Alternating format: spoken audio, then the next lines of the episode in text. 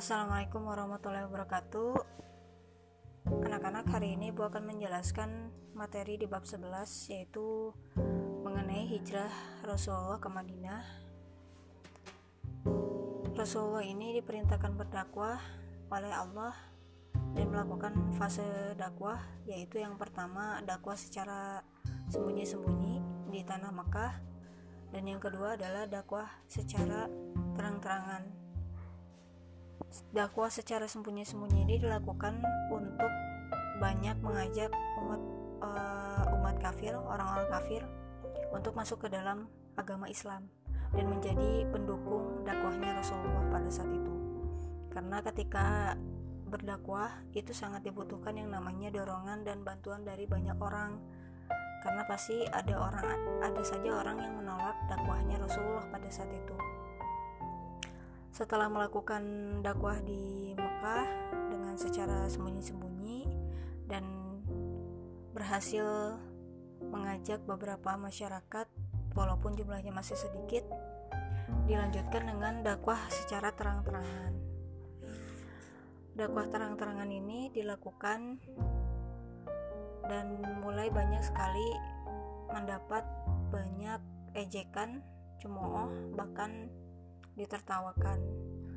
Dan juga semakin berjalannya waktu banyak sekali hal-hal yang diterima oleh Rasulullah yaitu berupa tekanan, siksaan dan sebagainya. Dan hanya tidak hanya diterima oleh Rasulullah ya pada saat itu tapi juga diterima oleh uh, oleh para sahabat Rasulullah pada saat itu. Nah, sebab-sebab Rasulullah hijrah e, itu dilakukan setelah Rasulullah berdakwah di Mekah dan melanjutkan dakwahnya. Karena didakwah secara sembunyi-sembunyi Rasulullah ini sudah mendapatkan banyak dukungan dan dorongan dari motivat dan e, dakwahnya Rasulullah ini jadi bisa dipikul sama-sama bukan hanya jadi tanggung jawab Rasul aja pada saat itu. Setelah Nabi Muhammad SAW berdakwah secara terang-terangan nah akhirnya tadi banyak siksaan dari orang kafir dan berbagai cara dilakukan orang kafir untuk menghalangi dakwahnya Rasulullah pada saat itu. Bertahun-tahun Nabi Muhammad menyerukan Islam di Mekah, tetapi hasilnya hanya sedikit yang mengikuti ajarannya. Nah, pada saat itu Nabi membutuhkan dorongan dan motivasi dari orang-orang terdekatnya.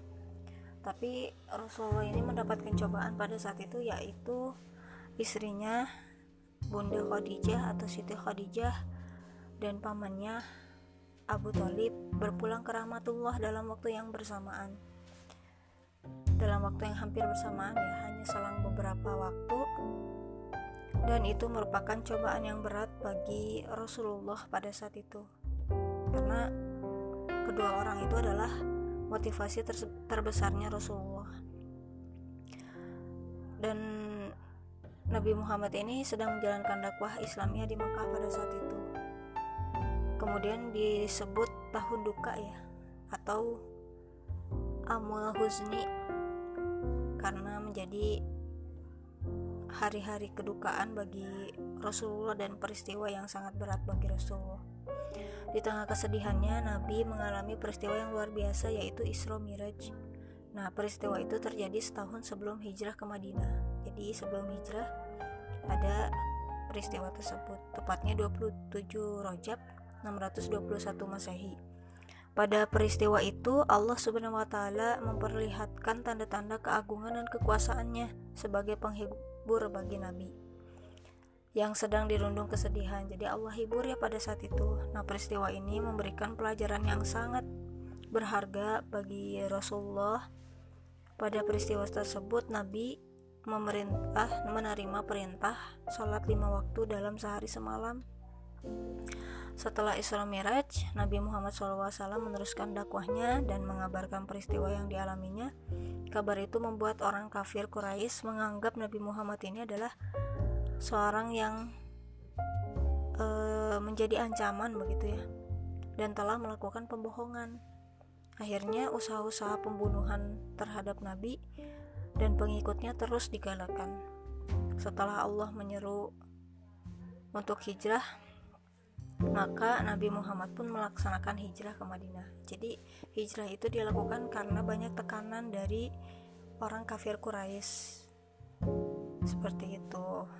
Itu materi yang pertama ya. Mangga disimak di halaman tadi 200, 159. Terima kasih. Assalamualaikum warahmatullahi wabarakatuh.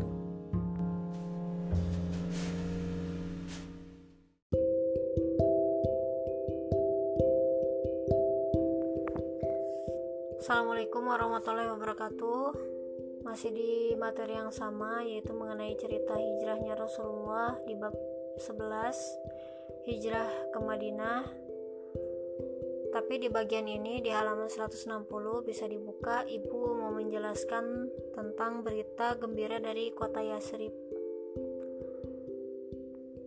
Awalnya pada tahun 620 Masehi Nabi Muhammad ini bertemu dengan enam orang Yasrib yang datang ke Mekah untuk berziarah pada saat itu.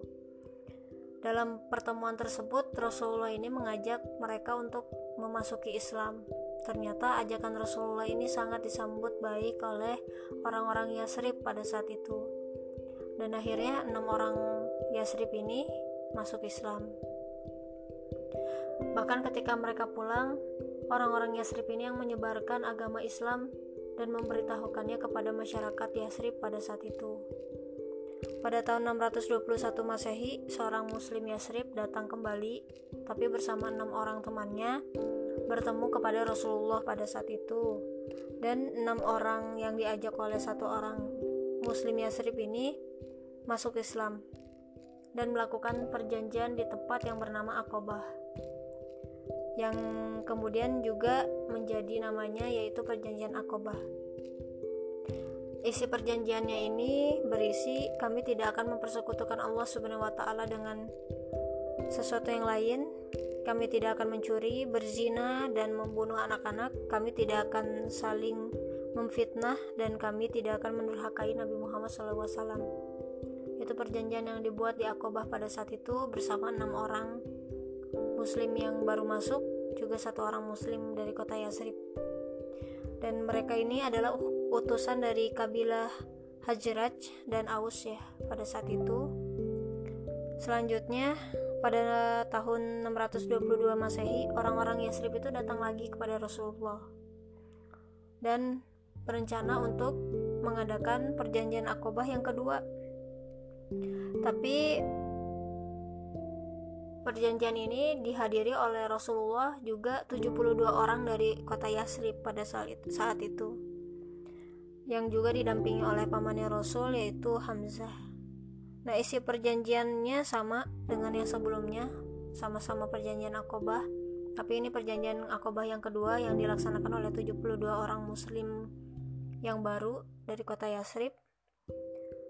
Dan jumlah peserta yang memeluk Islam pada saat itu di kota Yasrib akhirnya sudah cukup banyak, sudah semakin banyak dan semakin menyebar penyebaran agama Islam.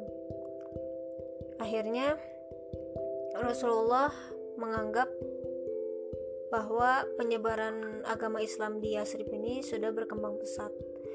Dan akhirnya Rasulullah ini memerintahkan para pengikutnya untuk hijrah ke kota Yasrib pada saat itu secara sembunyi-sembunyi. Karena kan banyak sekali kaum kafir Quraisy yang tidak menyukai dakwahnya Rasulullah pada saat itu dan akhirnya mereka akan menghalangi dakwahnya Rasulullah. Salah satu caranya dengan mencemooh, memberikan siksaan. Bahkan mereka berencana untuk membunuh Rasulullah pada saat itu. Dan yang mendapatkan tekanan itu bukan hanya Rasulullah, tapi para pengikutnya juga. Sahabat-sahabat Rasul dan lain sebagainya. Selanjutnya, mereka akhirnya hijrah ke kota Yasrib secara sembunyi-sembunyi. Tapi Rasulullah perginya terakhir dan tinggal di Mekah pada saat itu bersama Abu Bakar dan Ali bin Abi Thalib. Ternyata rencana hijrahnya Nabi Muhammad ini sudah diketahui oleh orang-orang kafir Quraisy pada saat itu. Sontak pada saat itu kafir Quraisy langsung merencanakan untuk menghalangi hijrahnya Rasul karena tidak mau Islam semakin menyebar, akhirnya kaum Quraisy pun merencanakan pembunuhan terhadap Nabi Muhammad SAW karena khawatir ya Islam berkembang di kota Yasrib. Jadi mereka ini sangat tidak mau dakwahnya Rasulullah ini berkembang. Akhirnya mereka menyuruh para pemuda ini untuk mengepung rumah Nabi pada saat itu karena khawatir Nabi akan lari. Sedemikian rupa kaum Quraisy merencanakan secara matang e, rencana mereka tersebut untuk membunuh Rasul dan menggagalkan proses hijrahnya Rasulullah. Jadi pada saat itu yang kritis itu ya Rasulullah SAW keluar dari rumahnya untuk menyebabkan barisan mereka. Jadi Rasulullah ini keluar rumah dan sementara Ali tidur di ranjang. Jadi dilakukan strategi ya. Pada saat itu yang tidur di ranjang itu Ali bin Abi Thalib supaya Kaum kafir Quraisy ini mengira bahwa Rasulullah itu masih di dalam rumah pada saat itu. Nah, ketika keluar, Rasulullah ini menggenggam pasir lalu menaburkan ke atas kepala mereka. Kemudian Allah menutup pandangan mereka. Jadi sama Allah diberikan pertolongan bahwa mata-mata dari kaum kafir Quraisy yang mengepung rumah Rasulullah itu ditutup matanya dengan pasir. Ini ada di surat Yasin ayat 9 dan kami adakan di hadapan mereka dinding dan di belakang mereka dinding pula. Dan kami tutup mata mereka sehingga mereka tidak dapat melihat pada saat itu. Tidak ada yang beliau uh, lewatkan ya. Pada saat itu langsung satu persatu kepala mereka ditaburi pasir sehingga beliau sampai di rumah Abu Bakar. Jadi nggak ada yang tahu kalau misalnya Rasulullah pada saat itu bisa pergi ke rumah Abu Bakar. Dan akhirnya Keduanya pergi di tengah malam, di tengah kegelapan, hingga tiba di Gua Sur dekat Yaman. Sementara itu orang-orang kafir Quraisy yang mengepung rumah Rasulullah terus menunggu saat yang telah direncanakan. Jadi sudah mengepung, mereka sudah merencanakan waktu di mana mereka akan menerkam Rasulullah, tapi pada saat itu ya Allah gagalkan rencana mereka. Ada salah seorang yang datang lalu berkata kepada mereka, "Apa yang sedang kalian tunggu?" Mereka menjawab, "Muhammad," katanya. Terus uh, seseorang yang datang itu bilang, "Kalian dikelabuinya. Demi Allah, dia telah pergi dan menaburkan pasir di, kep di kepala kalian lalu pergi hijrah," katanya. Sungguh kami tidak melihatnya, kata kaum kafir Quraisy pada saat itu. Dan mereka langsung bangkit dari pasir ya, dan mereka langsung membersihkan kepalanya. Kemudian mereka mengintip dari lubang pintu dan mendapati sosok yang tengah tertidur di sana. Mereka berkata, "Demi Allah, Muhammad masih tidur di dalam selimutnya," katanya. Ternyata sampai pagi mereka tidak berbuat apa-apa. Ali bangun dari tidurnya dan langsung dikepung. Mereka menanyakan ke mana Rasulullah dan Ali menjawab, "Aku tidak tahu." Jadi pada saat itu Ali itu ketika akan tidur, Ali itu cuma dibisiki sama Rasulullah, pakailah selimutnya pada saat itu. Setelah dipakai selimut supaya kaum kafir Quraisy ini mengira bahwa Rasulullah itu masih di dalam rumahnya begitu. Dan akhirnya mereka begitu nafsu ya ketika melihat bahwa yang ternyata tidur itu bukan Rasulullah tapi Ali bin Abi Thalib. Mereka kecewa dan tidak percaya dengan segala hal yang terjadi dan hal inilah yang terjadi atas izin Allah Subhanahu wa taala dan itu merupakan pertolongan Allah untuk Rasulullah sehingga Rasulullah ini bisa hijrah ke Gua Sur tanpa diketahui kaum kafir Quraisy. Itu cerita tentang kota Yasrib. Sekian dari Ibu. Banyak bersyukur karena hari ini kita sebagai muslim tidak mendapatkan tekanan apa pun sedangkan di zaman Rasulullah ketika orang mau masuk muslim banyak sekali mendapatkan tekanan. Sekian, Assalamualaikum warahmatullahi wabarakatuh.